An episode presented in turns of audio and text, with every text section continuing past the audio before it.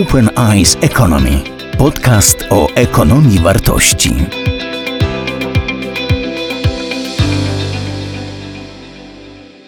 Raz, raz, raz, dwa. Dzień dobry.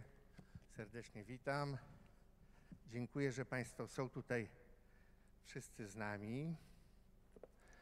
Naszym językiem rozmowy zasadniczo będzie angielski.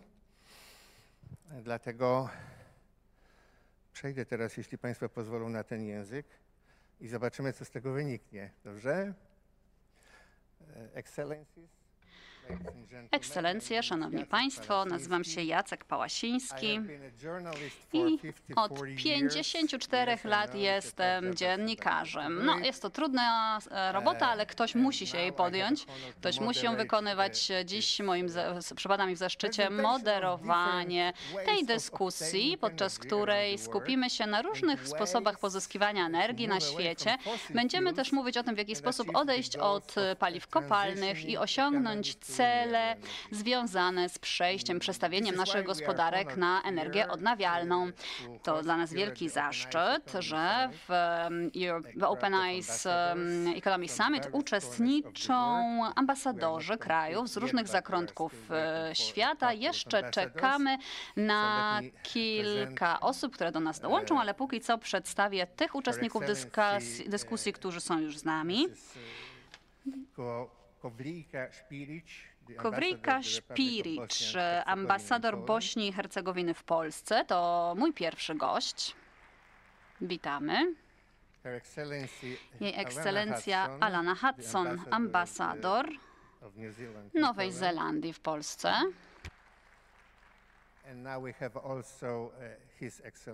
I także em, Jego Ekscelencja Edwardas Borisowas, ambasador Litwy w Polsce. I czekamy jeszcze na Jego Ekscelencję profesora Anastasę Sijaka, ambasadora Republiki Rwandy w Polsce. I czekamy tutaj nieustająco, ale pan ambasador dzwonił do mnie, że dotarł już do Krakowa i za dosłownie kilka minut do nas dołączy. Online w naszej dyskusji uczestniczyć będzie jego ekscelencja James Hicks, e, przedstawiciel Wielkiej Brytanii i Irlandii Północnej, a jest to konsul właśnie z ambasady tego kraju w Polsce. Wiem, że niektórzy z Państwa mówią doskonale po polsku, a zatem zachęcam do korzystania z tej niesamowitej e, umiejętności, którą niektórzy z Państwa nabyli. I przedstawię na początku kilka faktów. Co roku na świecie zużywa się 35 miliardów baryłek ropy, czyli 96 milionów e, baryłek ropy dziennie. Jak wszyscy wiemy, jedna baryłka liczy sobie około 150, 159 metrów sześciennych. E, Energie odnawialne oczywiście będą odgrywać coraz większą rolę, e, dzięki której uda się zaspokoić potrzeby energetyczne świata, ale niestety jeszcze wiele lat minie, zanim e, nośniki energii odnawialnej zastąpią ropę i gaz. E, Międzynarodowa Agencja do Spraw Energii przewiduje, że zużycie gazu ziemnego będzie, wzrośnie o 50% do 2040 roku, a zapotrzebowanie na ropę wzrośnie do 38 miliardów baryłek rocznie, czyli 103 miliony e, dziennie. Ta, to zapotrzebowanie na energię będzie wynikać z coraz e, dalej postępującej urbanizacji.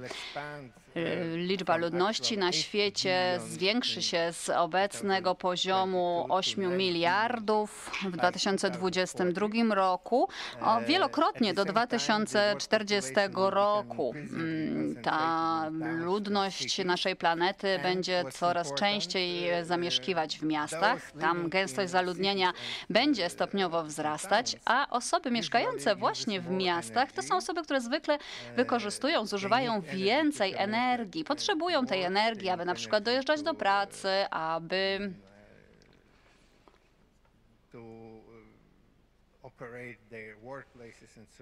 korzystać z narzędzi pracy this i tak A to wszystko oznacza, że w przyszłości na świecie będziemy mieć coraz większe zapotrzebowanie na energię.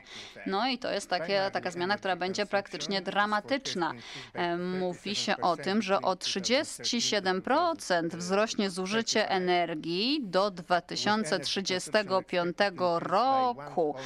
1,4% to będzie wzrost rok do roku, jeżeli chodzi o zapotrzebowanie na energię. A żeby to zapotrzebowanie zaspokoić, wymagane będą różnorakie inwestycje we wszystkie nośniki energii i oczywiście zapotrzebowanie na energię e, odnawialną wzrośnie, szczególnie w niektórych obszarach na świecie, natomiast olej, e, przepraszam, ropa naftowa oraz gaz cały czas e, pozostaną niezbędnym składnik, składnikiem tego miksu energetycznego na świecie i do 2040 roku dalej będą stanowić mm, około 50% em, całej podaży energii na świecie. I tutaj naszą dyskusję podzielimy na dwie części. Pierwsza część będzie dotyczyła tego, jak poszczególne kraje reprezentowane tutaj pozyskują energię z paliw kopalnych, a druga runda pytań będzie dotyczyła ścieżki poszczególnych krajów do tego, aby zastąpić paliwa kopalne energią odnawialną. Niestety mój, nasz czas jest ograniczony, a zatem od razu przejdźmy do meritum. Poprosimy też, aby nasi goście wypowiadali się zwięźle, tak abyśmy jeszcze zmieścili na koniec krótką sesję pytań z sali. A więc pierwsze pytanie kieruję e, do Państwa. Dotyczy ono pozyskiwania paliw kopalnych. Jakie problemy się z tym wiążą w Państwa krajach? I proponowałbym, aby pierwszą osobą, która udzieli odpowiedzi na to pytanie, była Alana. Hudson, na, na ambasador tylko Nowej Zelandii gościa, o którym pan wspomniał już. e. Mamy ambasadora Rwandy, zapraszamy na scenę. Okay, thank you very much.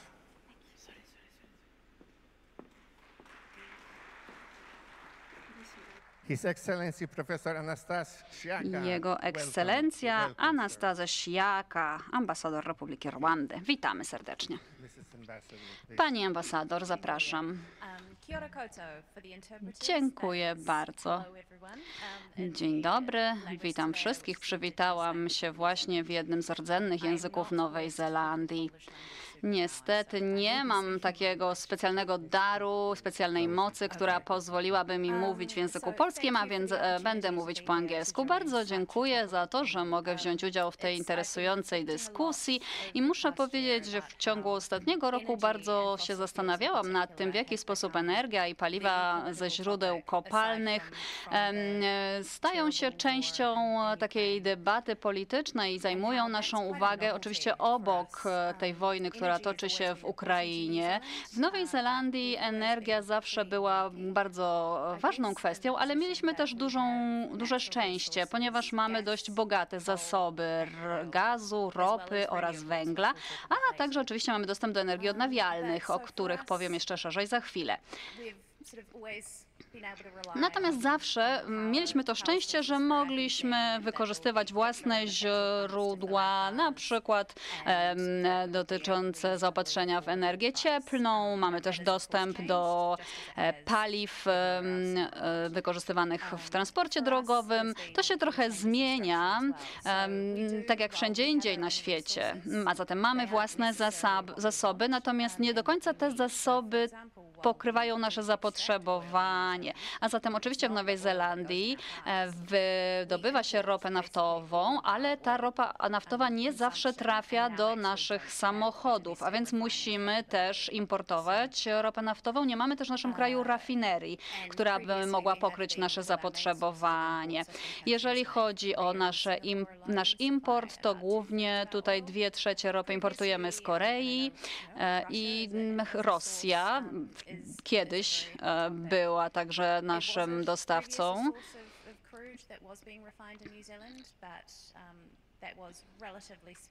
Natomiast oczywiście tutaj Rosja nie była istotnym e, graczem, jeżeli chodzi o dostawę ropy naftowej do naszego kraju. Natomiast oczywiście w następstwie wojny zakazaliśmy importu paliw kopalnych z Rosji do naszego kraju. Taką decyzję podjęli nasi politycy. Mierzymy się z tymi samymi wyzwaniami co inne kraje. O nich też pewnie będziemy rozmawiać. Odchodzimy od wydobycia paliw kopalnych, takich jak węgiel, ale musimy oczywiście zapewnić ten prawidłowy przebieg sprawiedliwej transformacji. Chcemy zapewnić odpowiednie warunki tym społecznościom, które w przeszłości mm, w dużej mierze były uzależnione na przykład od wydobycia węgla, od kopalń węgla w swoich regionach. Nie mamy jeszcze wszystkich gotowych odpowiedzi, natomiast nasza administracja, nasz rząd stara się te społeczności wspierać.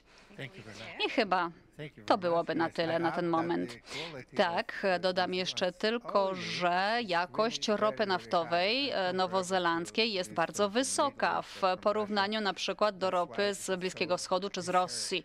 I dlatego właśnie jest to surowiec bardzo pożądany przez inne kraje. E, Inne kraje chciałyby tę ropę nabywać, ale zdaje się Nowa Zelandia tutaj nie, niestety ma ograniczone możliwości.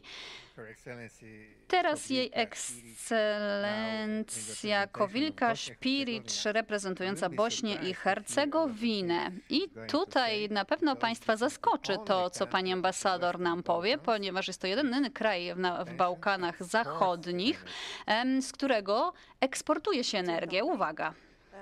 Witam wszystkich tutaj obecnych i ja będę wykorzystała tej sytuacji, że mówię po polsku i naprawdę jest mi miło być e, z Wami e, tutaj, szczegółowo w Krakowie.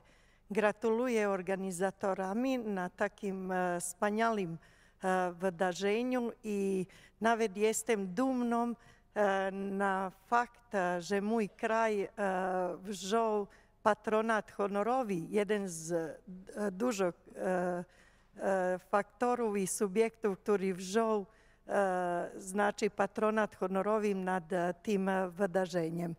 Oczywiście sama nazwa tego panelu, czy to szok dla wszystkich, czy czekamy, czy działamy, ja wam Państwo powiem, że my szok przeżyliśmy w każdym sensie w roku 9-2 bo mieliśmy wojnę i po prostu e, my na swoich plecach czuliśmy, co to znaczy e, bezpieczeństwo pod każdym kątem, a nawet i pod kątem energetyki. Jako zwykły człowiek, jako matka, jako córka w tych czasach e, po prostu czułam wtedy, co to dosłownie znaczy mieć, a potem nie mieć. To jest najgorsza rzecz, która się można człowiekowi e, stać. Po, e, pomiędzy wszystkim powiedziałam by, że czuliśmy, że nie ma prądu. To było strasznie. Potem czuliśmy na swoich plecach, że nie ma wody do picia.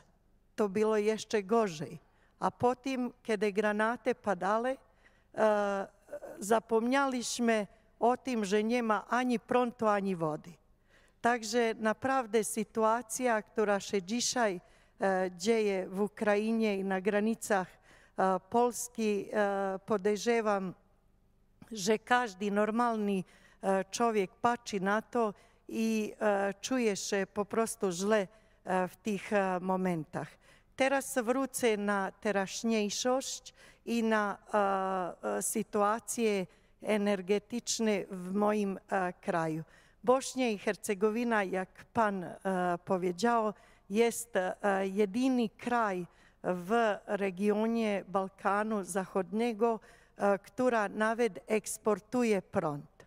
Zawsze na nas narzekali, że nie jesteśmy wystarczająco dobrzy, że mamy dużo problemów i tak dalej, ale widzicie, jest jakiś plus u nas.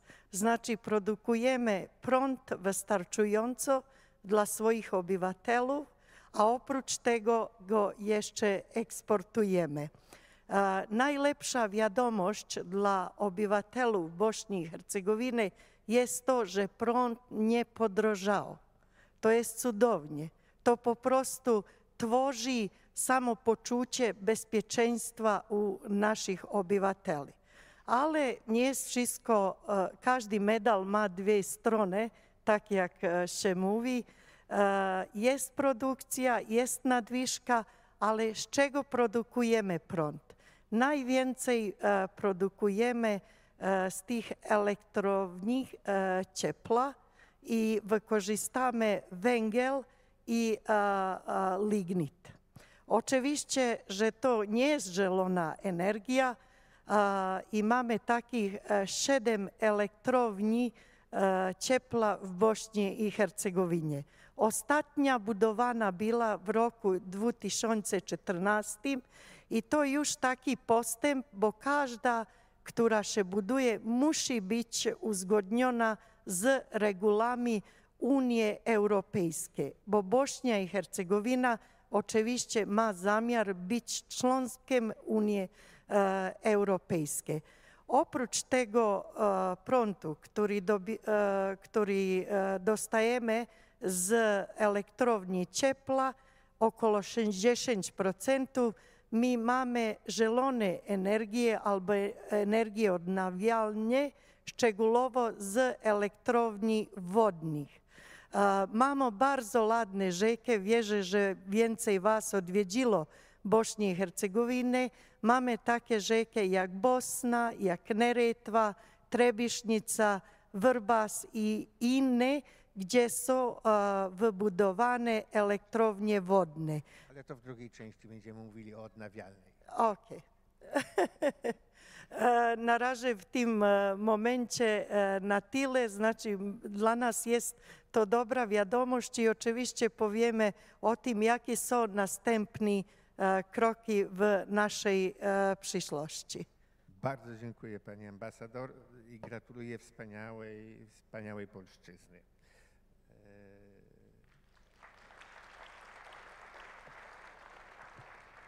Uh, Now we kindly ask to word uh, A teraz kieruję podobną prośbę do pana. Edwardasa Borisowasa, ambasadora Republiki Litewskiej w Polsce. Podejrzewam, że pewnie też będzie mówić w języku polskim. A będą państwo zaskoczeni, ponieważ mówimy tutaj o kraju, który jest europejskim czempionem, jeśli chodzi o dywersyfikację źródeł energii.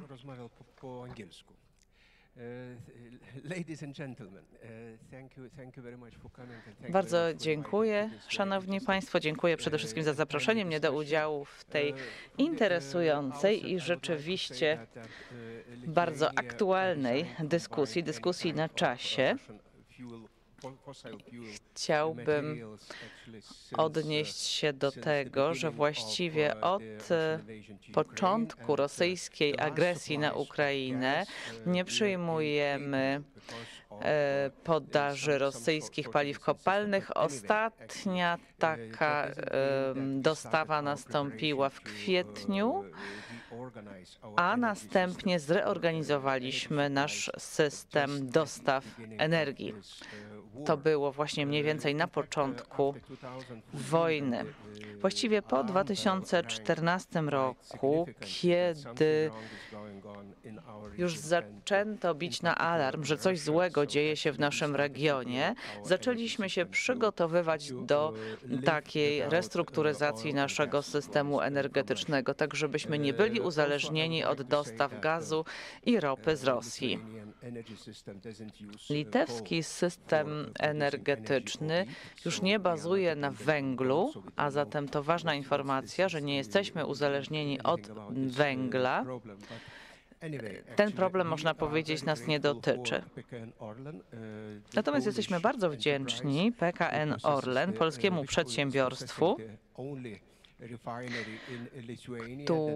które zarządza jedyną rafinerią na Litwie i również PKN Orlen zrezygnował z zakupów rosyjskiej ropy, a więc rafineria zarządzana przez PKN Orlen na Litwie już w tej chwili z ropy rosyjskiej również nie korzysta. To powiedzmy sobie bardzo otwarcie, że nie jesteśmy w żaden sposób, w żadnym stopniu uzależnieni od dostaw ropy z Rosji.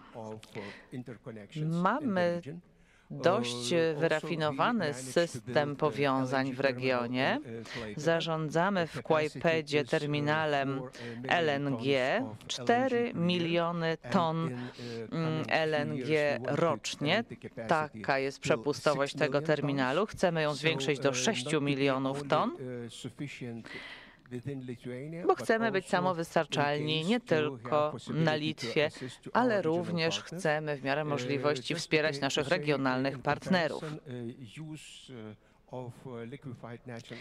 Jeśli chodzi o wykorzystanie LNG na Litwie, to jest to 2,2 miliona ton, co oznacza, że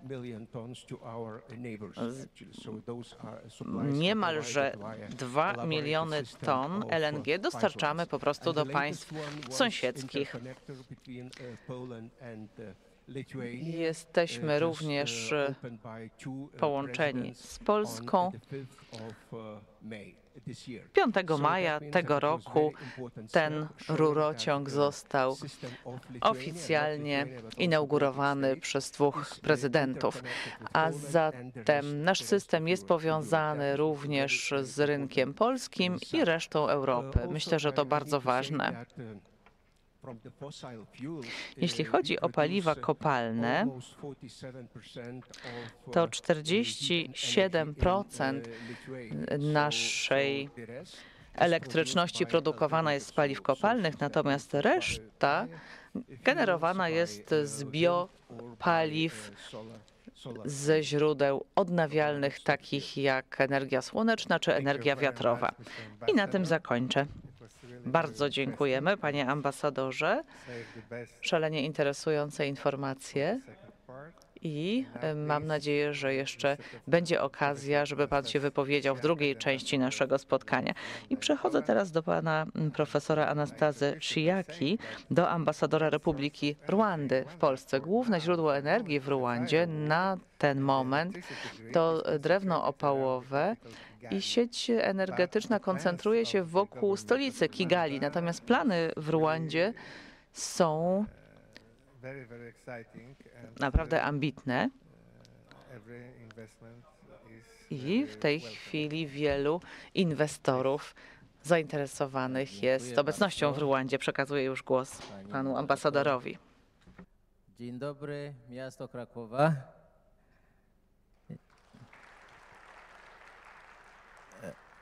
Bardzo mi miło tutaj być ponownie w tej sali i bardzo chciałbym na początku podziękować organizatorom za zaproszenie do mnie i do naszej ambasady. Co prawda, jak pan mówi, będę spróbował mówić po polsku. Jak będę przejęzyczał, to mnie wybaczacie, prawda? I pan nasz, pan Jacek mnie tu prosił, żeby mówić o Rwandzie, ale skoro jestem jedynym reprezentantem Afryki, chyba troszkę mogę o Afryce mówić, bardzo troszkę, bo widzę, że minuty nie, nie są duże. W każdym bądź razie, jak patrzy się na afrykański kontynent, co można powiedzieć? Mamy dużo surowców energetycznych, ale mamy mało produktów energii. Co to znaczy? Ropy dużo jest, gaz dużo jest, słońce jest mnóstwo, ale w dużej części Afryki ponad połowy ludności nie ma elektryczności. Choć mamy dużo zasobów, nie mamy wystarczającej energii, nawet pochodzącej z tych źródeł, powiedzmy, e, fosyl o kopalnianych. E, jak pan e, Jacek wspomniał, Rua, i to jest generalnie, natomiast e, w moim kraju poziom elektryfikacji jest 75%, z, z czego 50, prawie 1% to jest taki zwany on-grid, a prawie 25% będzie taki zwany off-grid, czyli nie jest systemowy, nie jest podłączony. Um, to jest dużo wyzwania. Więc w kraju pierwszy problem, jak wiecie, energia jest fundamentem, rozwoju gospodarczego i technologicznego. Więc jak tego nie ma, to dlaczego kraje, kraje e, są w tym poziomie e, życia, jak jest? To dlatego mówimy tak. Afryka walczy z dwoma tymi dwoma wieloma problemu, problemów, ale zarówno jak my walczymy z biedą, to nie można z e, biedą walczyć, jeżeli nie zdołamy generacji energii wprowadzać w życie. Więc w moim kraju, em, co prawda, jesteśmy na poziomie, poziomie 75% elektryfikacji, ale 20 lat temu byliśmy na poziomie 10, poniżej 10%. Także w, w ciągu 20 lat e, dokonaliśmy niemożliwych inwestycji w tym kierunku, żeby nam się udało. I chcemy, nasz target y, polityczny jest to, żeby 2024, żebyśmy mieli 100% albo prawie 100% chociażby akces do minimalnej energii. Nawet jeżeli to, to nie jest energia przemysłowa, ale chociażby e, elektryfikacja do naszych ludów. Źródło, źródła e- energii to fundamentalnie naszej elektryczności pochodzi z e, energii wodnej, ale też mamy e, gaz, metan gaz z jeziora Kiwu, którego eksploatujemy em, do pewnego poziomu. To nie jest duży poziom. Mi się wydaje, że mamy z ponad 200 megawatów, co my mamy, to kilkanaście, kilka, 40, 40 megawatów. 40, dziękuję bardzo. Pan jest bardziej zorientowany nawet. Około 40 megawatów mamy e, z, tej, z tego Kiwu, choć to wszystko 40 teraz nie eksploatujemy. To jest capacity exploitation, ale teraz to, co wychodzi... Nie, na- właśnie eksploatujecie 40, możecie eksploatować aż do 200 prawie. z, z jeziora Kiwu. Tak, to jest, to jest prawda. Także e, jest taki, taki, taki obszar, taki poziom, że, że z rak Kiwu możemy dużo eksploatować. Mamy jeszcze taki zwany mm, chyba węgiel z południa. E, też duży, duży instalowany 70 megawatów, ale i to w drugiej części będziemy też e, rozmawiali o tej odnawialnej energii. Natomiast źródła wodne to jest największe. Do tej pory mamy e, około 50, no, prawie 50% to, co wszystko mamy, to wychodzi właśnie z wody. Może na tym zatrzymuję się. Dziękuję Bardzo dziękuję panie ambasadorze. To rzeczywiście ze wszechmiar zasłużone oklaski i rzeczywiście kraj się rozwija w sposób yy, no, niezwykle imponujący, również pod względem energii. A no, yy, jakby to powiedzieć, stopy rozwoju no, są nawet przeważnie dwucyfrowe i stopień zwrotu inwestycji też jest dwucyfrowy, co w dzisiejszym świecie nie jest e, takie częste. W ogóle Afryka jest kontynentem fascynującym i między nami mówiąc, tam najłatwiej zarobić pieniądze, jak ktoś ma oczywiście je do inwestycji. And now please welcome uh, Mr. uh, James uh, Hooks, Minister Consular for Economic Affairs of the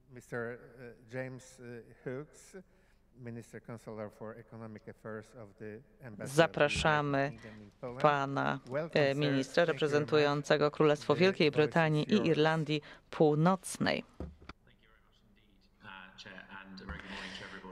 Dzień dobry, panie moderatorze. Bardzo mi przykro, że nie mogę być z państwem osobiście i również przykro mi, że nie będę mówić w języku polskim. Zapewne mój nauczyciel byłby sfrustrowany tym faktem, że jeszcze nie opanowałem polszczyzny do tego stopnia. Ale to dla mnie ogromna szansa móc e, uczestniczyć w tym mm, spotkaniu, zwłaszcza po spotkaniu stron po konferencji COP27 w Sharm el Sheikh. Tytuł dzisiejszej sesji to szok energetyczny, przeczekanie czy dostosowanie. Oczywiście nie ma innej możliwości niż dostosować się do zmieniających się okoliczności. Nie możemy sobie pozwolić na przeczekanie. W Glasgow podczas konferencji stron COP26 już o tym mówiliśmy, że musimy jednocześnie redukować e, poziom emisji gazów cieplarnianych oraz utrzymać, nie pozwolić na dalszy wzrost temperatury globalnej. I wtedy właśnie w Sharm el-Sheikh e, rozmawialiśmy o tym, że 1,5 stopnia Celsjusza taki wzrost temperatury nie może być absolutnie przekroczony, dlatego musimy się dostosowywać, jeśli chodzi o nasze rozwiązania energetyczne i pewnie w drugiej części naszej dyskusji będziemy mówić bardziej szczegółowo o odnawialnych źródłach energii, o bezpieczeństwie energetycznym. Jeśli chodzi o stanowisko Wielkiej Brytanii, to ciągle próbujemy się dostosowywać. Przeszliśmy przez taką drogę od momentu, kiedy ponad 75% energii było generowanej z paliw kopalnych w 2010 roku, a w 2021 było to mniej niż 50%.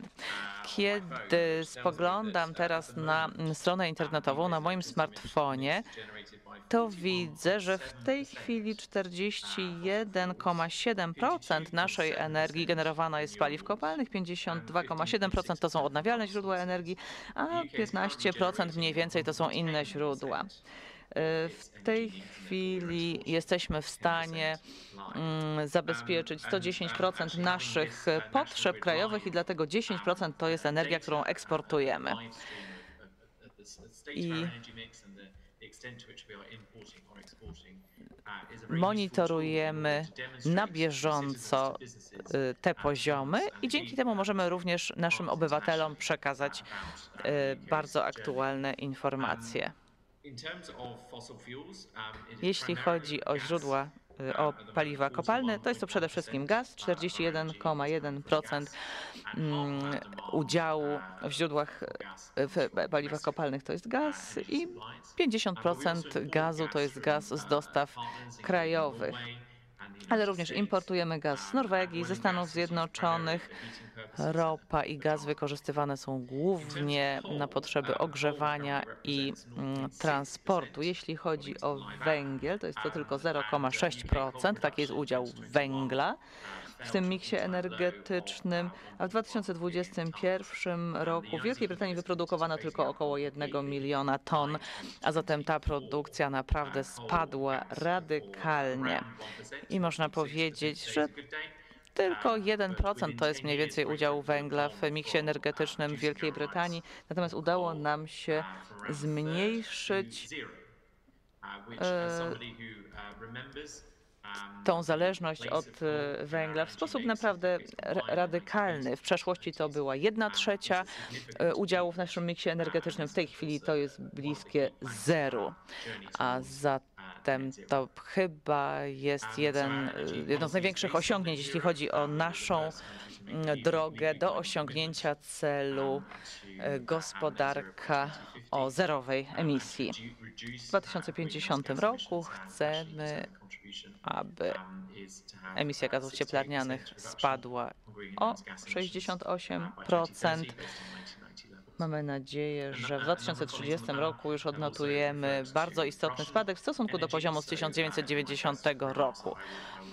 Oczywiście mogę powtórzyć za ambasadorem Republiki Litewskiej, że nie jesteśmy w tej chwili uzależnieni od paliw kopalnych sprowadzanych z Rosji i również wprowadziliśmy embargo na węgiel sprowadzany z Rosji. To było 10 sierpnia.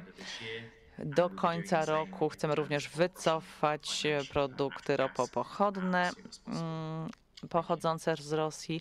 I to byłoby na tyle, jeśli chodzi o moją pierwszą wypowiedź. Bardzo serdecznie dziękujemy. A teraz już przejdziemy do drugiej rundy pytań. Będę chciał zapytać wszystkich Państwa o odnawialne źródła energii. To oczywiście nasza nadzieja na przyszłość, na przyszłość naszą i na przyszłość naszych dzieci oraz wnuków. Co więcej,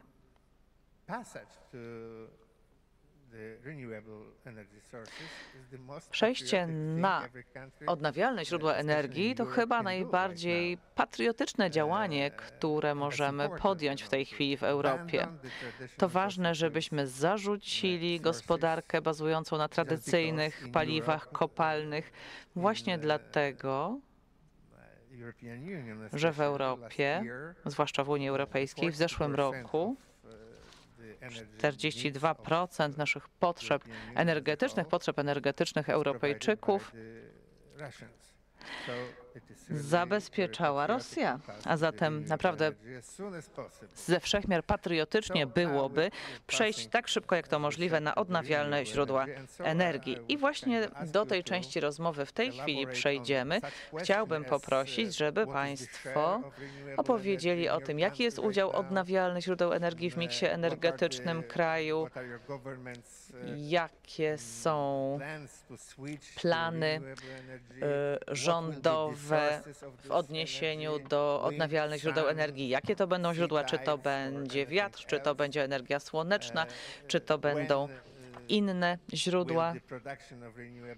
Kiedy produkcja energii z odnawialnych źródeł przekroczy mm, produkcję energii z paliw kopalnych? Jak ważne jest to dla państwa rządów krajowych, a zwłaszcza dla państwa społeczeństw, jak ważne są kwestie zmian klimatycznych. A zatem w tym samym porządku będziemy się wypowiadać. Alana Hudson. Jako pierwsza. Dziękuję bardzo. Przysłuchuję się tej rozmowie z wielkim zainteresowaniem. Nie wiedziałam e, za wiele na temat tego, jak wyglądało, wygląda sytuacja w Rwandzie, natomiast bardzo wiele się tutaj dowiedziałam. i doszukuję się pewnych punktów wspólnych. Dla nas na przykład istotnym zasobem jest woda, podobnie jak dla innych krajów. I w, w Nowej Zelandii dość dużo pada na szczęście, natomiast dla nas e, energie odnawialne są już w tej chwili, e, stanowią 40% całego naszego miksu energetycznego, jeżeli chodzi o elektryczność. No, nie wiem, czy Państwo notują, to tutaj 82,1% to była elektryczność ze źródeł odnawialnych. E, Chcemy osiągnąć e, 50% miksu energetycznego pochodzącego z energii odnawialnej do 2035 roku i zamierzamy też dojść do poziomu 100% elektryczności z energii odnawialnych do 2030 roku. I tydzień temu, chyba już jeżeli chodzi o produkcję energii, osiągnęliśmy 99,9% zaopatrzenia w elektryczność ze źródeł odnawialnych. Nasz miks energetyczny jest dość interesujący. Połowa tej energii to, to jest energia pochodząca z em, hydroelektrowni. Wykorzystujemy też ener- energię termalną. Zapewne Państwo wiedzą, że u nas w naszym kraju mieści się wiele wulkanów. To oczywiście kojarzy się, czy wiąże się z pewnym ryzykiem.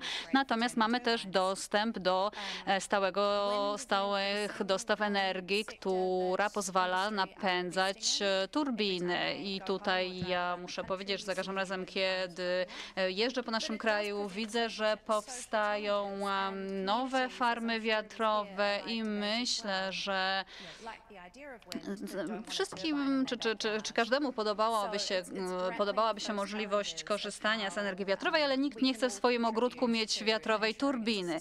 Natomiast musimy wszyscy tutaj chyba dołożyć starań, aby ta nasza przyszłość energetyczna była zrównoważona. Bardzo ważne jest, aby wziąć pod uwagę też to, że energia hydroelektryczna sprawdza się na przykład, kiedy jest duży poziom opadów. Natomiast niestety zdarzają się takie lata, kiedy mamy do czynienia z suszą, a zatem produkcja energii z tych źródeł może mieć ograniczone możliwości. I tutaj pamiętajmy, że w grę wchodzi też zmiana klimatu, która bardzo wiele zmienia.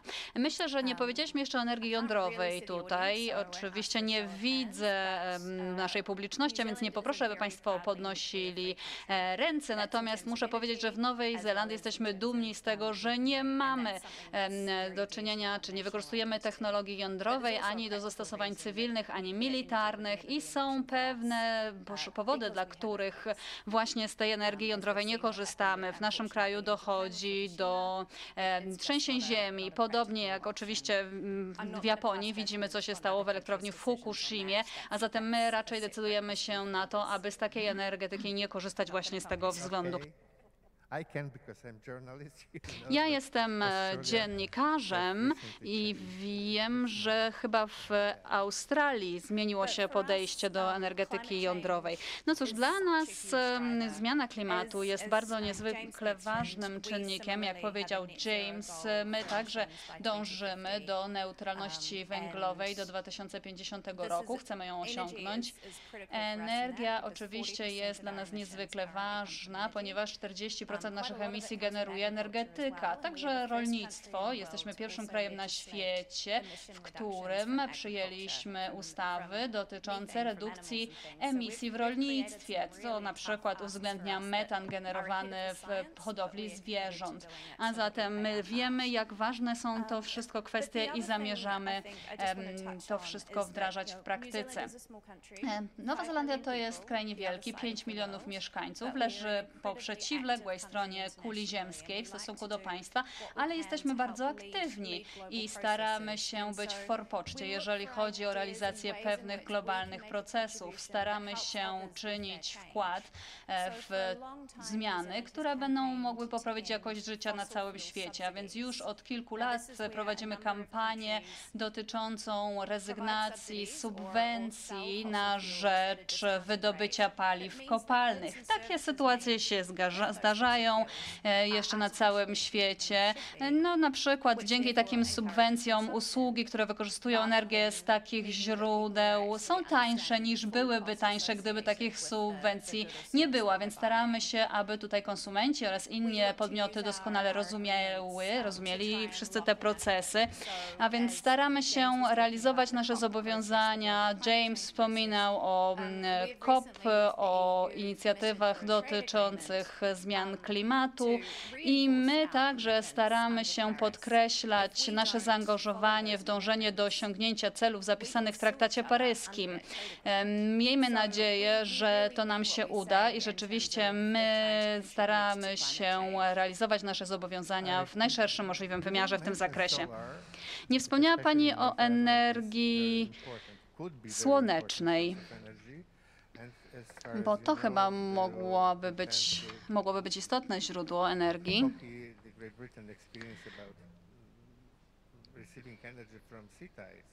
E, A jak wygląda kwestia dotycząca energii pływów? No, te rodzaje, te nośniki energii to nie jest coś, co jest e, traktowane u nas tak priorytetowo, jak mogłoby się wydawać. Ja w Polsce widzę tutaj mnóstwo paneli fotowoltaicznych na prywatnych domach w Polsce. W Nowej Zelandii, Zelandii nie jest to tak popularne.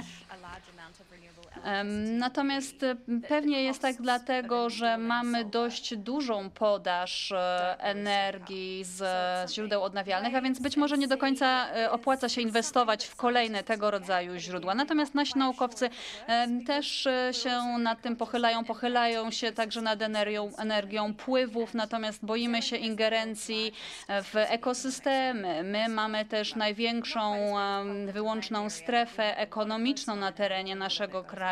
Mamy też bardzo długą linię brzegową. Bardzo, nie, bardzo ważne dla nas jest to, aby chronić bioróżnorodność mórz, a zatem nie chcemy ingerować w te właśnie nadmorskie ekosystemy poprzez budowanie instalacji do wykorzystania energii pływów między innymi. Teraz, e, teraz przedstawimy sytuację, jak to jest w moim kraju i mogę e, też troszeczkę powiedzieć na temat Balkanu e, Zachodniego. Ja już zaczęłam mówić o tym źródłami e, energii odnawialnej i mogę powiedzieć za Bosni i Hercegowiny, że 40%, około 40% e, jest energia zielona albo energia odnawialna.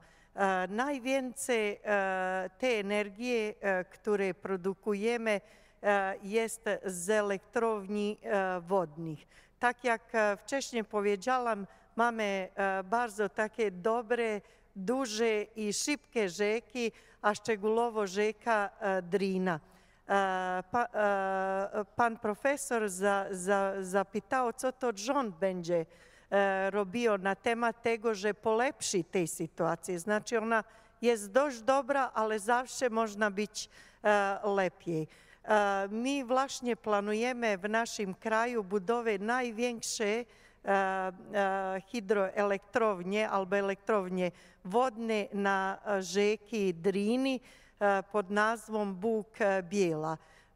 To ona ma biti zakončona do koncu te dekade i to samo kazuje, že budovom tej elektrovnje vodne jeszcze będzie lepša situacija w korzyść energije odnawialnej.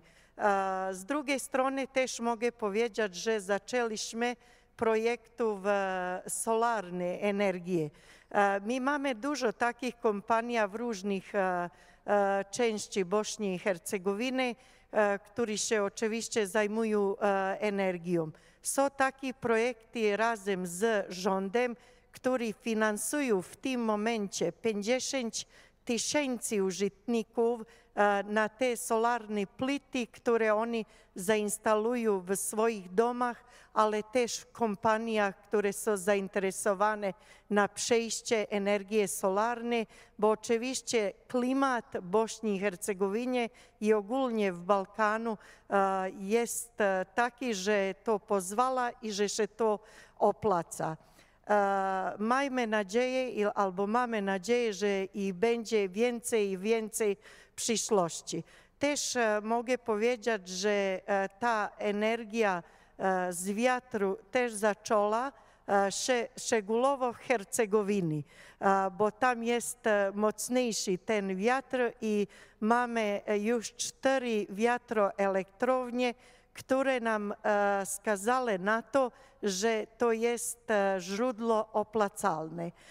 Oprócz tego Bośnia i Hercegowina jest położona, położona tak, że ma dużo geotermalnych źródła. I to też jest e, e, po prostu projekt naszej przyszłości, żeby nie tylko używali jako spa, żebyśmy to używali jako źródła odnawialne. I oczywiście biomasa, e, która zajmuje mali, mali procent, ale też wystarczający, że powiemy, że mamy różne źródła energii zielonej. I proszę Państwa, na końcu e, powiem fakt, że tylko 40% e, potencjału wodnego jest do tej pory wykorzystany w Bośni i Hercegowinie. To znaczy, że 60% czeka na swoich użytkowników. Zapraszamy inwestorów do Bośni i Hercegowiny, bo sektor e, energetyczny jest naprawdę przyszłość nie tylko e, w sprawie naszego kraju, ale całego Balkanu Zachodniego, Unii Europejskiej i całej Europy. Także e, zakończyłam bym e, w tym, że e, kiedy rozmawiamy na temat bezpieczeństwa energetycznego, bardzo ważne słowo jest solidarność, że po prostu w takich trudnych czasach się podzielimy tym, co my mamy.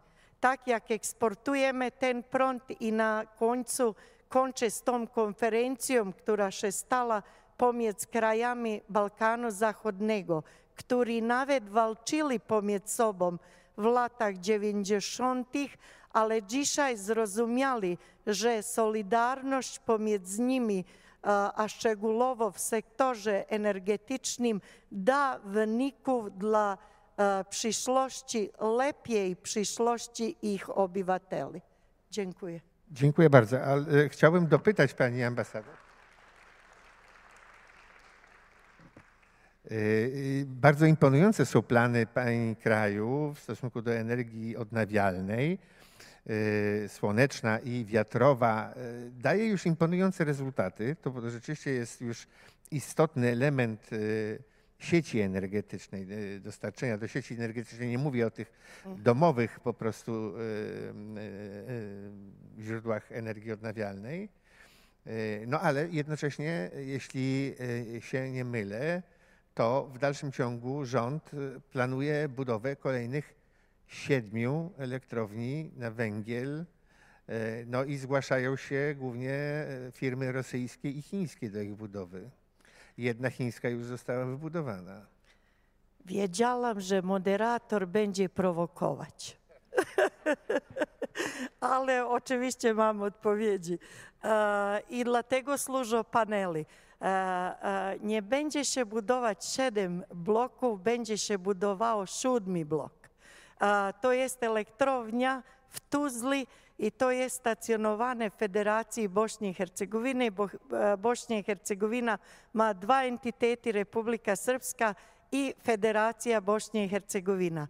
Celowo o tym mówię, bo zawsze mówią, że Rosjanie albo Chińczycy mają wpływ na Republikę Srpskie, bo większość ludzi, którzy mieszkają tam są Serbowie, którzy są historycznie uwiązani z Rosjanami i tak dalej. Ale ta termoelektrownia się znajduje w entitetu Federacji Bośni i Hercegowiny, gdzie większość ludzi, które mieszka tam są Bośniakami.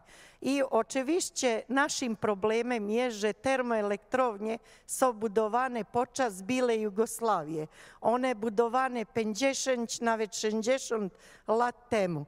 I w Tuzli, która ma dużo kopalni, która ma potężne kapacitety i rezerwy węgla, tego drewnego. Węgla brunatnego, czyli lignitu, tak. Tak jest. Najbardziej zanieczyszczającego. I oni, oni chcą wykorzystać tę energię, ale na, w, w ramach przepisów Unii Europejskiej i nie tylko wspólnoty energetycznej. I jest plan budowy siódmego bloku tej termoelektrowni, ale z Unią Europejską nie poszły jakoś negocjacje na temat źródła finansowych. W tym momencie się zgłosili a i Chińczycy, a i Rosjanie, żeby finansowali odbudowę tego siódmego bloku termoelektrowni w Tuzle. Jeżeli się wybuduje ta siódma elektrownia, to się zamknie trzeci, czwarty, piąty, szósty blok, który bardzo brudzo, powiedziałam, i oneczyszczają e, świeże powietrze. Ale na razie teraz to wszystko stoi jako status quo. Wiadomo, że sytuacja od lutego tego roku jest potężnie zmieniona. Z drugiej strony, my nie tylko w sektorze energetyki mamy taki problem. Stoimy przed drzwiami Unii Europejskiej. Czekamy na wejście do Unii Europejskiej. Chcemy wejść do Unii Europejskiej. A międzynarodowa wspólnota jest u nas obecna prawie 30 lat. I e, po prostu jest warunkowanie, warunkowanie i później, kiedy ktoś się zgłosi, my chcemy zainwestować, my mamy często takie pytanie, jak pan moderator zapytał, a jak tam wpływ tego albo tego. Proszę Państwa, zapraszamy do nas. Nie czekajmy, róbmy wszystko jak najlepiej i najszybciej dla tej Europy, bo konkurencja zawsze jest. Wiadomo, że to jest sprawa geopolityczna. Także mam nadzieję, że dałam dobre odpowiedzi panu moderatorowi. Dała pani znakomitą. Dziękuję bardzo. Ja tylko dodam, że tak.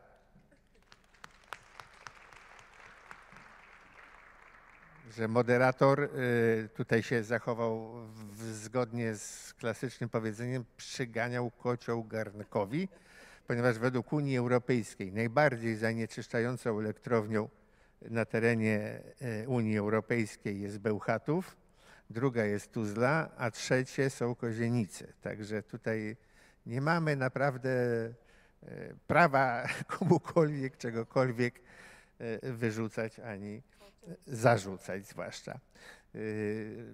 Panie ambasadorze, teraz pomówimy o, o tym, co jest dumą Litwy. E, To znaczy o fakcie, że Litwa jest e, tym krajem Unii Europejskiej, która ma najwyższy poziom e, nowej energii wiatrowej zainstalowanej w stosunku do terytorium, w stosunku do liczby mieszkańców. I postępy w dziedzinie energii odnawialnej mogą być przykładem dla całej reszty Europy, nie tylko dla regionu. Thank, thank you very much. Uh, it is uh, also important to say that uh, 53.2% of 53,2% litewskiej energii pochodzi z odnawialnych źródeł. O tym już wcześniej wspomniałem. I mówiłem też, że nasze plany są bardzo ambitne. 7 gigawatts Chcemy produkować 7 gigawatów elektryczności z odnawialnych źródeł energii do roku 2030. To znaczy, że 100% elektryczności, zapotrzebowania na elektryczność na Litwie do 2030 roku będzie pokryte ze źródeł odnawialnych. Żeby sprostać temu wyzwaniu, musimy pamiętać o tym, że Litwa zamknęła swoją jedyną i pewnie największą w regionie elektrownię jądrową w Ignalinie. After that A następnie z eksportera netto Litwa stała się importerem elektryczności, czyli 30% elektryczności produkowana jest na Litwie, a 70% to jest elektryczność importowana. Spoza kraju. A zatem pamiętajmy o tym wyzwaniu. Pamiętajmy o tym, że Litwa ciągle jeszcze podłączona jest do sowieckiego mm, systemu, podobnie jak e, Białoruś, Łotwa i Estonia. I staramy się do 2024 roku. odciąć się od tego systemu i właśnie w tej chwili się przygotowujemy do tego procesu. A zatem chcemy do y, początku 2024 roku zsynchronizować połączenie z systemem polskim i wygląda na to, że uda nam się to zrobić na czas. I wówczas Litwa całkowicie się odetnie od tej sieci, w której uczestniczy Białoruś i Rosja. A jeśli chodzi o odnawialne źródła energii, to faktycznie Litwa przede wszystkim stawia na energetykę wiatrową i w przyszłości chcemy mieć dwa e, takie duże offshore'owe e, parki wiatrowe 7-megawatowe. W 2023 i w 2024 roku będą się toczyć te prace i sądzimy, że uda się je zakończyć do 2030 roku. Wtedy 1,4 gigawata mm, energetyki wiatrowej uda się e, wytwarzać właśnie offshore'owo i również 3,6 gigawata na farmach e, wiatrowych onshore'owych. A zatem do 2030 roku powinniśmy uruchomić te źródła wiatrowe i również do 2025 roku chcemy zwiększyć udział energii słonecznej. 1 gigawat, mamy nadzieję, będzie wytwarzany z energii słonecznej, a do 2030 roku to mm, będzie 7 gigawatów. A zatem będzie to naprawdę będziemy w stanie spełnić 100% zapotrzebowania litewskiego na energię. I myślę, że te, te prace będą się toczyły uh, zgodnie z harmonogramem. Co więcej, Litwa osiąga swoje cele, można powiedzieć, przed czasem. Jeśli dobrze rozumiem, jednym z priorytetów rządu litewskiego jest również dywersyfikacja, mm, która bazuje na małych, lokalnych e, elektrowniach, elektrowniach napędzanych właśnie mm, przez odnawialne źródła energii. Jak się Państwu to udaje robić?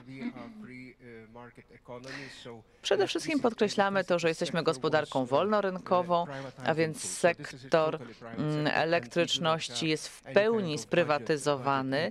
Nie mamy żadnych wpływów z budżetu, które by wspierały ten sektor.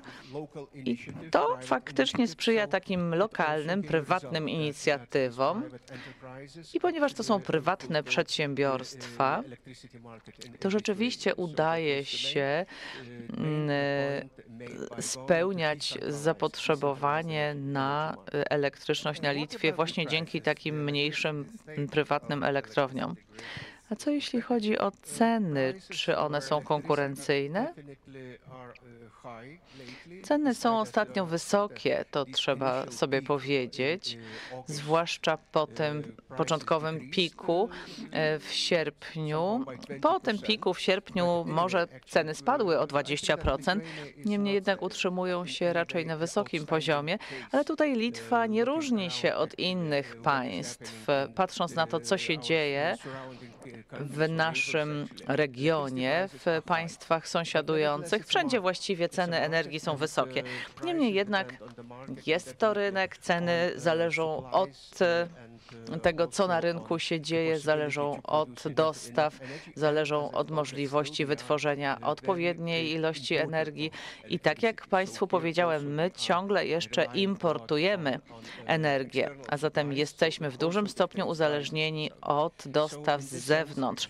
To również ma przełożenie na ceny. Ale Litwa nie jest tutaj odosobnionym przypadkiem. Więc tak, ceny są wysokie. Ten prywatny sektor elektryczności jednak zwiększa konkurencyjność i również przyczynia się do zwiększonej podaży i mamy nadzieję, że uda się w jakiejś perspektywie te ceny również obniżyć. Mówiłem o tym, że Pan będzie opowiadał bardzo ciekawe rzeczy i serdecznie za to dziękuję. A teraz przechodzę do Pana profesora Anastazja Szyjaki, do ambasadora Republiki Rwandy. I chcę powiedzieć, że Państwo są takim krajem niezwykle bogatym w słońce. Nie mogę się powstrzymać, żeby tego nie powiedzieć. Rozumiem oczywiście, że sieć energetyczna ciągle jeszcze jest dużym wyzwaniem dla Rwandy. Bardzo dziękuję również za to pytanie. I to prawda. Mamy dużo słońca, nie tylko w Rwandzie, ale w ogóle w całej Afryce. Ale jest tutaj pewna sprzeczność, bo nie jesteśmy w stanie zbyt dużo energii wytwarzać ze słońca. Na czym polega problem? Po pierwsze, problemem jest niedobór technologii, a po drugie, inwestycji kapitałowych. Jeżeli te dwa czynniki uda się zmobilizować, to pewnie poradzimy sobie z tym deficytem. Natomiast są na horyzoncie też dobre wieści i chciałbym się teraz podzielić tym z Państwem. Jeśli chodzi o energię, to gospodarstwa w Rwandzie przede wszystkim uzależnione są od drzewa opałowego i od biomasy. Sprzed dwóch lat mogę przytoczyć statystyki. Była mowa wtedy o tym, że 4 na 5 gospodarstw właśnie w ten sposób mm, ogrzewa swoje domy. Chcemy, żeby do 2024 roku ta liczba spadła o 50%, żeby przynajmniej o 42% obniżyć tę liczbę. Jeśli spojrzymy na cały kontynent afrykański, to można powiedzieć, że mniej więcej 10% energii wytwarzana jest z odnawialnych źródeł energii, natomiast 90% to energia, która nie bazuje na odnawialnych źródłach. A co do Ruandy, to zarówno w naszym kraju, jak i na całym kontynencie w ostatnich pięciu czy siedmiu latach obserwujemy dwucyfrowy wzrost udziału odnawialnych źródeł energii. Ale pamiętajcie proszę, że zaczynamy od bardzo niskiego poziomu, jeśli chodzi o udział odnawialnych źródeł energii w miksie energetycznym. Więc w tej chwili rzeczywiście 4% energii w Rwandzie wytwarzana jest z energii słonecznej. I dobre informacje są takie, że w Rwandzie Jeżeli może wyłączymy RPA, to właśnie w Ruandzie scale, e, mamy największą elektrownię generating 8.5 e, słoneczną, która wytwarza 8,5 megawata energii. To jest taki projekt, z którego jesteśmy bardzo dumni, zwłaszcza, że jest to projekt, który udało się zrealizować we współpracy z Izraelem, z, ze Stanami Zjednoczonymi, z Wielką Brytanią. I jest to naprawdę bardzo innowacyjny projekt energetyczny, który się sprawdza. Agahozo Sharom, e, tak się nazywa e, to miejsce i będziemy chcieli ten projekt modernizować w najbliższych latach. Chcę powiedzieć na koniec, że Afryka jest e, takim kontynentem szans.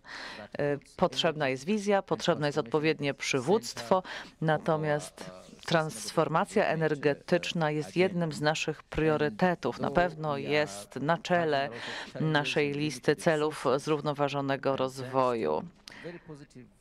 Dzięki bardzo skutecznym partnerstwom, w które weszliśmy i cieszę się, że również polskie przedsiębiorstwa są zainteresowane działalnością w Ruandzie. Dzięki e, tej współpracy możliwe są pozytywne zmiany i pojawia się również taki nowy trend, e, którym jest zainteresowana Ruanda, mianowicie odnawialna energia z zachodu. E, Przepraszam, odnawialna energia produkowana z odpadów. Musimy się zastanowić e, teraz nad tym, jak problem odpadów wykorzystać tak, żeby można było tak zarządzać odpadami, żeby stanowiły one również surowiec do wytwarzania energii. I wreszcie chcę jeszcze powiedzieć, że jeśli chodzi o opalanie mm, pieców e, kuchennych, to przede wszystkim w naszych gospodarstwach korzysta się z drzewa opałowego. Chcielibyśmy to zmienić. Chcielibyśmy, żeby tym paliwem opałowym był na przykład gaz, LNG, żeby można było chronić środowisko, ponieważ bardzo nam zależy na e, środowisku naturalnym. A zatem to jest również taki cel bardzo wysoko uplasowany na liście naszych priorytetów. Bardzo dziękuję, panie ambasadorze. Chciałbym jeszcze pozwolić sobie na kolejne pytanie. W niektórych obszarach Afryki, na przykład Mali, w Afryce Środkowej, Rosja jednak zwiększa swoją obecność. Wpływy rosyjskie są widoczne, mają przełożenie na różne aspekty życia politycznego i kulturalnego. Czy to również dotyczy Ruandy? To moje pierwsze pytanie. A drugie pytanie jest takie. Nie opodal znajduje się Sudan, a Sudan jest właściwie pierwszym dostawcą paliw kopalnych do Chin. Jak aktywne są Chiny z kolei na rynku energetycznym Ruandy? To moje drugie pytanie. Dwa bardzo mocno polityczne pytania. I oczywiście ja się nie mogę wypowiadać w imieniu innych państw. Powiedziała mi moja siostra, że muszę być dyplomatą na spotkaniach takich jak to. Ale to powiedziawszy, e, pamiętajmy, że ja postrzegam kwestię mm, zapotrzebowania energetycznego z perspektywy afrykańskiej. A perspektywa afrykańska jest taka, że potrzebny jest nam pokój, potrzebny jest nam dalszy rozwój, potrzebne jest nam partnerstwo wiarygodne, dlatego nie wybieramy Rosji i nie wybieramy Chin. Ale pewnie też nie macie wielkiego zaufania do Zachodu. Oczywiście Rwanda ma swoją własną e, politykę, strategiczne sojusze. Nie będę teraz się zagłębiał w szczegóły dotyczące tych strategicznych sojuszów, ale mm, oczywiście to są innymi sojusze z Stanami Zjednoczonymi, z Unią Europejską, z Polską między innymi, z Wielką Brytanią i z wieloma innymi państwami. Natomiast jeśli chodzi o technologię,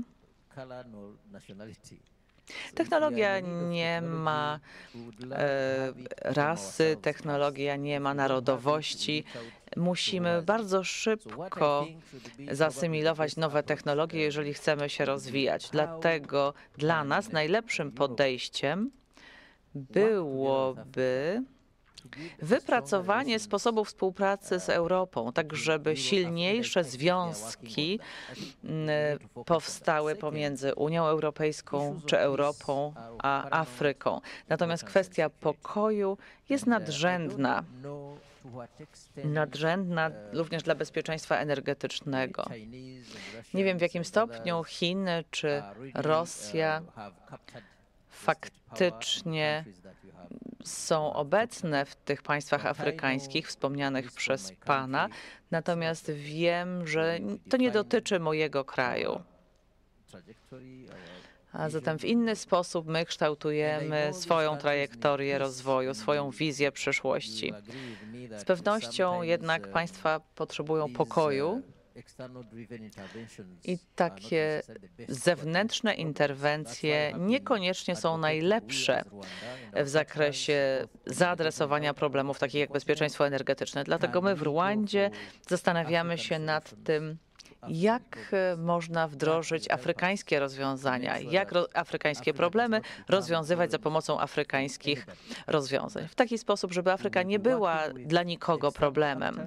Chcemy oczywiście współpracować z graczami z zewnątrz, na przykład z Unii Europejskiej czy z Wielkiej Brytanii. Chcemy współpracować z tymi państwami w ramach różnych e, strategii po to, żeby pozycję Afryki wzmocnić, po to, żebyśmy za 10 lat nie musieli chcieli mówić o wpływach chińskich czy o wpływach rosyjskich na kontynencie afrykańskim. Ci, którzy przyjeżdżają do Afryki, to są często te państwa, w którym brakuje stabilności w których e, rola państwa jest osłabiona. Dlatego czasem trudno jest e, dojść do ładu z tym,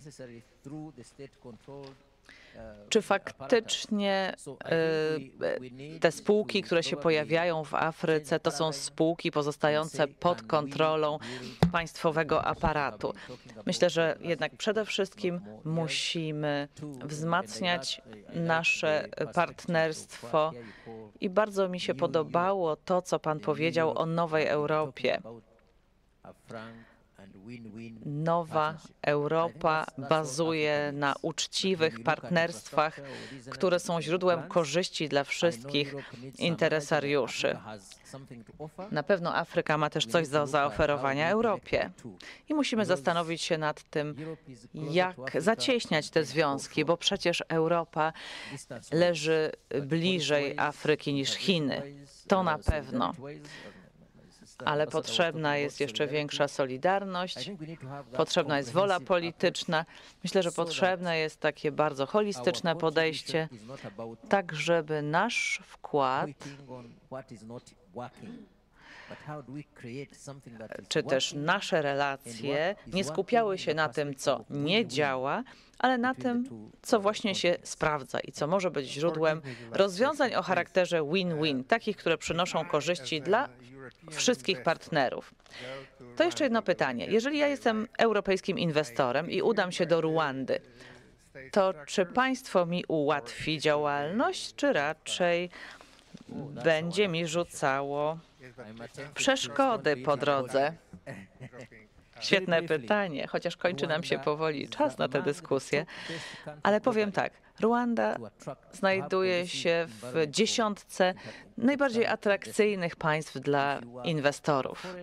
A zatem, jeżeli pan jest inwestorem zagranicznym i przyjedzie do Ruandy, to na przestrzeni sześciu godzin będzie pan mógł zarejestrować swoją firmę, swoją działalność w Ruandzie. Tak to wygląda. Ruanda naprawdę z życzliwością przyjmuje inwestorów zagranicznych.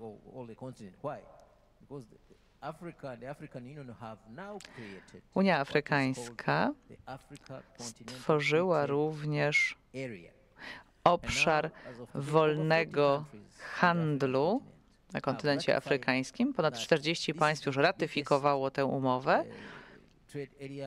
Jest to taki największy obszar handlowy na całym świecie, więc wydaje nam się, że w przeciągu najbliższych 10 lat faktycznie okaże się, kto będzie w stanie ten potencjał wykorzystać, ten potencjał, który oferuje Afryka. I na koniec jeszcze powiem, kiedy rozmawiamy na temat energetyki, na temat odnawialnych źródeł energii,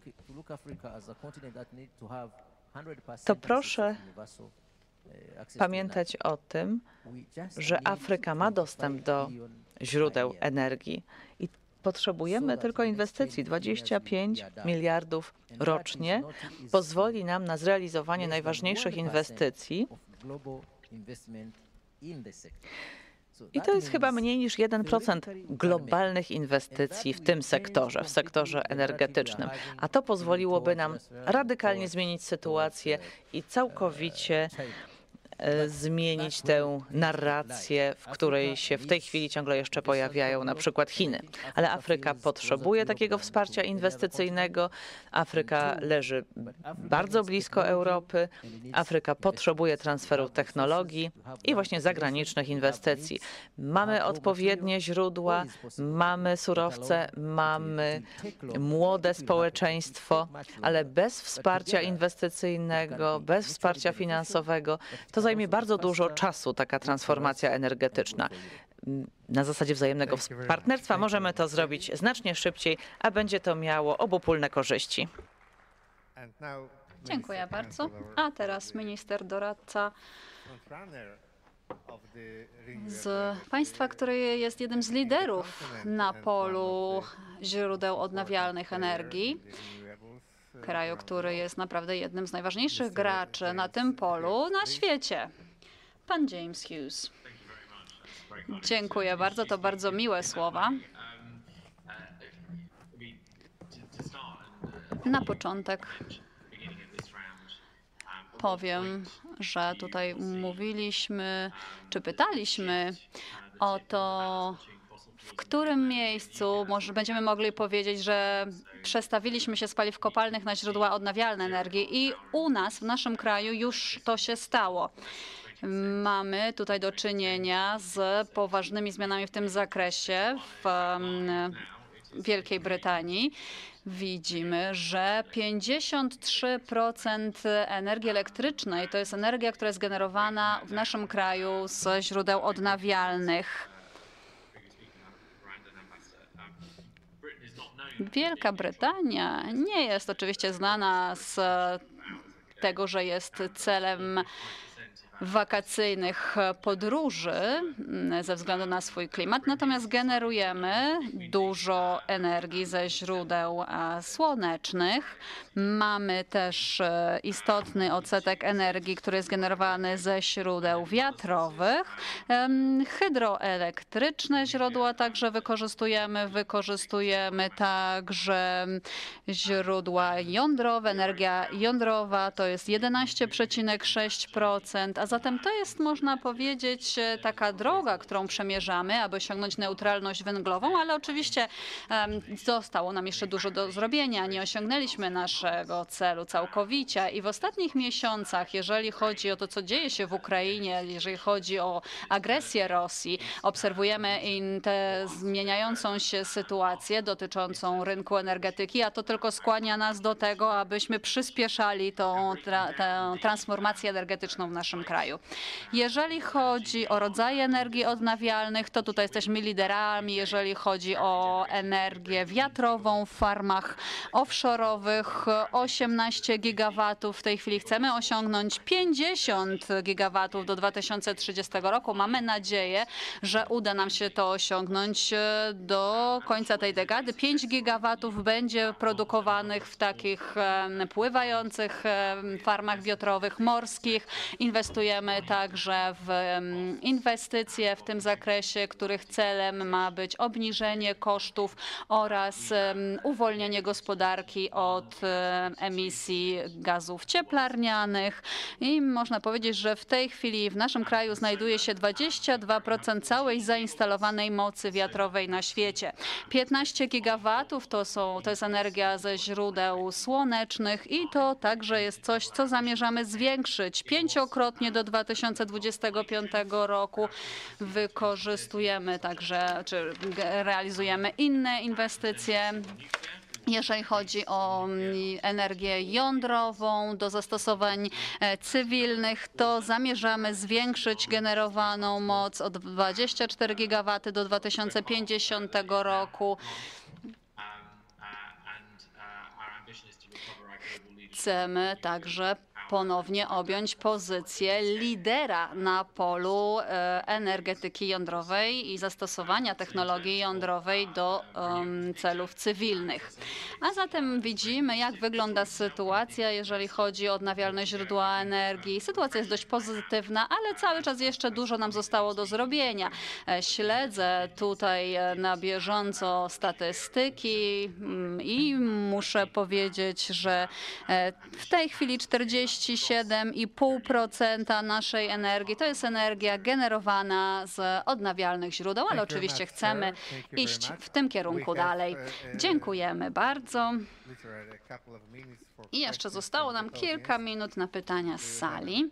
Czy jest ktoś, kto chciałby zadać pytanie? Widzę, że tutaj ktoś podnosi rękę. to proszę wstać i głośno krzyczeć. Niech pan, proszę krzyczeć. O. Najwyraźniej mamy z tym problem.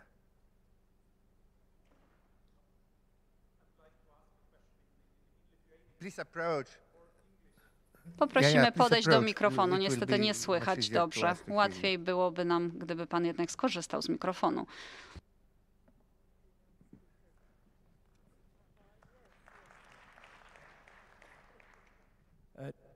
Just Taka uh, krótka uwaga dear, tylko. Borisov, Panie ambasadorze, pan ambasador that Borysowas powinien był wspomnieć o tym, że Litwa może być dumna z tego, że ma cały program dotyczący kolektywnej własności mm, instalacji e, źródeł e, czy instalacji technologii the energetyki słonecznej. A zatem o co chodzi? Chodzi o to, aby, że każdy obywatel ze swojego domu może zainwestować w jakąś małą cząstkę elektrowni słonecznej. Może wykupić sobie jakiś, jakąś ilość your w zależności od tego, jakie jest zużycie jego gospodarstwa domowego. A więc nawet jeżeli nie mamy dachu, na którym możemy zainstalować panel fotowoltaiczny, możemy i tak stać się posiadaczami części takiej instalacji. Jestem z tego bardzo dumny i pragnę to podkreślić, ponieważ uważam, że tutaj nasz kraj jest absolutnym liderem, jest w forpoczcie realizacji e, takich projektów. zatem myślę, że to jest też e, mm, uh, coś wartego other country podkreślenia. Ale mam też takie pytanie o to, czy być może któryś z krajów, którego of, przedstawiciele uh, obecni uh, są na sali dzisiaj, e, uh, procedural chciałby być może uh, wykorzystać to podejście uh, do energetyki prosumenckiej, ponieważ my w e, Litwie mamy ciekawe rozwiązania, którymi chętnie podzielimy się z innymi. Czy ktoś chciałby skomentować? I Jak już powiedziałam, powiedziałem, rzeczywiście countries. Litwa może być przykładem dla wielu krajów. Pragnę tylko podziękować za ten komentarz i muszę powiedzieć, że to był rzeczywiście komentarz ekspercki i podkreślam, że ta de- decentralizacja przekłada się na ogromne zalety, jeżeli chodzi o rozwój systemu energetyki w naszym kraju. Dziękuję. Czy jest ktoś jeszcze, kto chciałby zadać pytanie? Obawiam się niestety, że nie mamy czasu, a jednak jeszcze kilka minut znajdziemy. Zachęćmy pana oklaskami. Dzień dobry, dziękuję bardzo za interesującą debatę. Mam krótkie pytanie do wszystkich państwa. Jeżeli bę- państwo pozwolą, mówimy o odnawialnych źródłach energii, ale chcę także zapytać o transport, ponieważ e, wiemy, że w Polsce głównie korzystamy z silników spalinowych w samochodach, natomiast w Wielkiej Brytanii obserwujemy ama, taki rozwój wypadków, że wprowadzony zostanie zakaz korzystania z silników spalinowych w samochodach. Wszystkie samochody zostaną zelektryfikowane. Ale moje pytanie dotyczy wodoru. To jest nowe źródło, nowy nośnik energii, który rzeczywiście jest doskonały dla środowiska, ponieważ w wyniku spalania wodoru powstaje woda, więc jest to coś, co nie ma żadnego negatywnego wpływu na środowisko. A zatem moje pytanie dotyczy tego, czy w tym kierunku Wielka Brytania także pójdzie, czy raczej Wielka Brytania będzie koncentrować się tylko na samochodach elektrycznych, ponieważ jest to już rozwiązanie, które po części funkcjonuje. Bardzo dziękuję za to interesujące pytanie. Cieszę się, że mogę się na ten temat wypowiedzieć. Nie wspominałam o wydorze, ponieważ dla nas e, wodór jest pewnym celem. Chcemy realizować, e, tworzyć inwestycje w zakresie zielonego wodoru. Współpracujemy z różnymi partnerami, ale jest to zupełna nowość. Nie mamy gotowych odpowiedzi i chyba podobnie jest też w innych krajach. Natomiast z naszej strony muszę powiedzieć, że staramy się odchodzić od e, pojazdów z silnikami spalinowymi, ponieważ rzeczywiście transport drogowy no jest konieczny. Nasz kraj w dużej mierze oparty jest na transporcie drogowym, a więc być może właśnie elektryfikacja będzie jednym z elementów, a wodór może być jego uzupełnieniem. M, Pan minister Hughes, czy chciałby pan minister coś dodać? Krótka odpowiedź byłaby taka, że rzeczywiście wodór będzie częścią tej odpowiedzi i ja sam we wrześniu miałem tę przyjemność, że udało mi się w Szkocji wizytować różne projekty czy różne placówki, w których prowadzone są prace nad zastosowaniem wodoru, między innymi do napędzania pojazdów czy do ogrzewania. Zatem widzimy już, że prace się toczą, jest pewien potencjał, który warto wykorzystać i myślę, że mm, będziemy musieli brać pod uwagę połączenie różnych elementów, różnych nośników energii. A jeżeli chodzi o Polskę, bo oczywiście wszyscy tutaj mówimy o swoich krajach, ale popatrzmy, jak to wygląda w Polsce.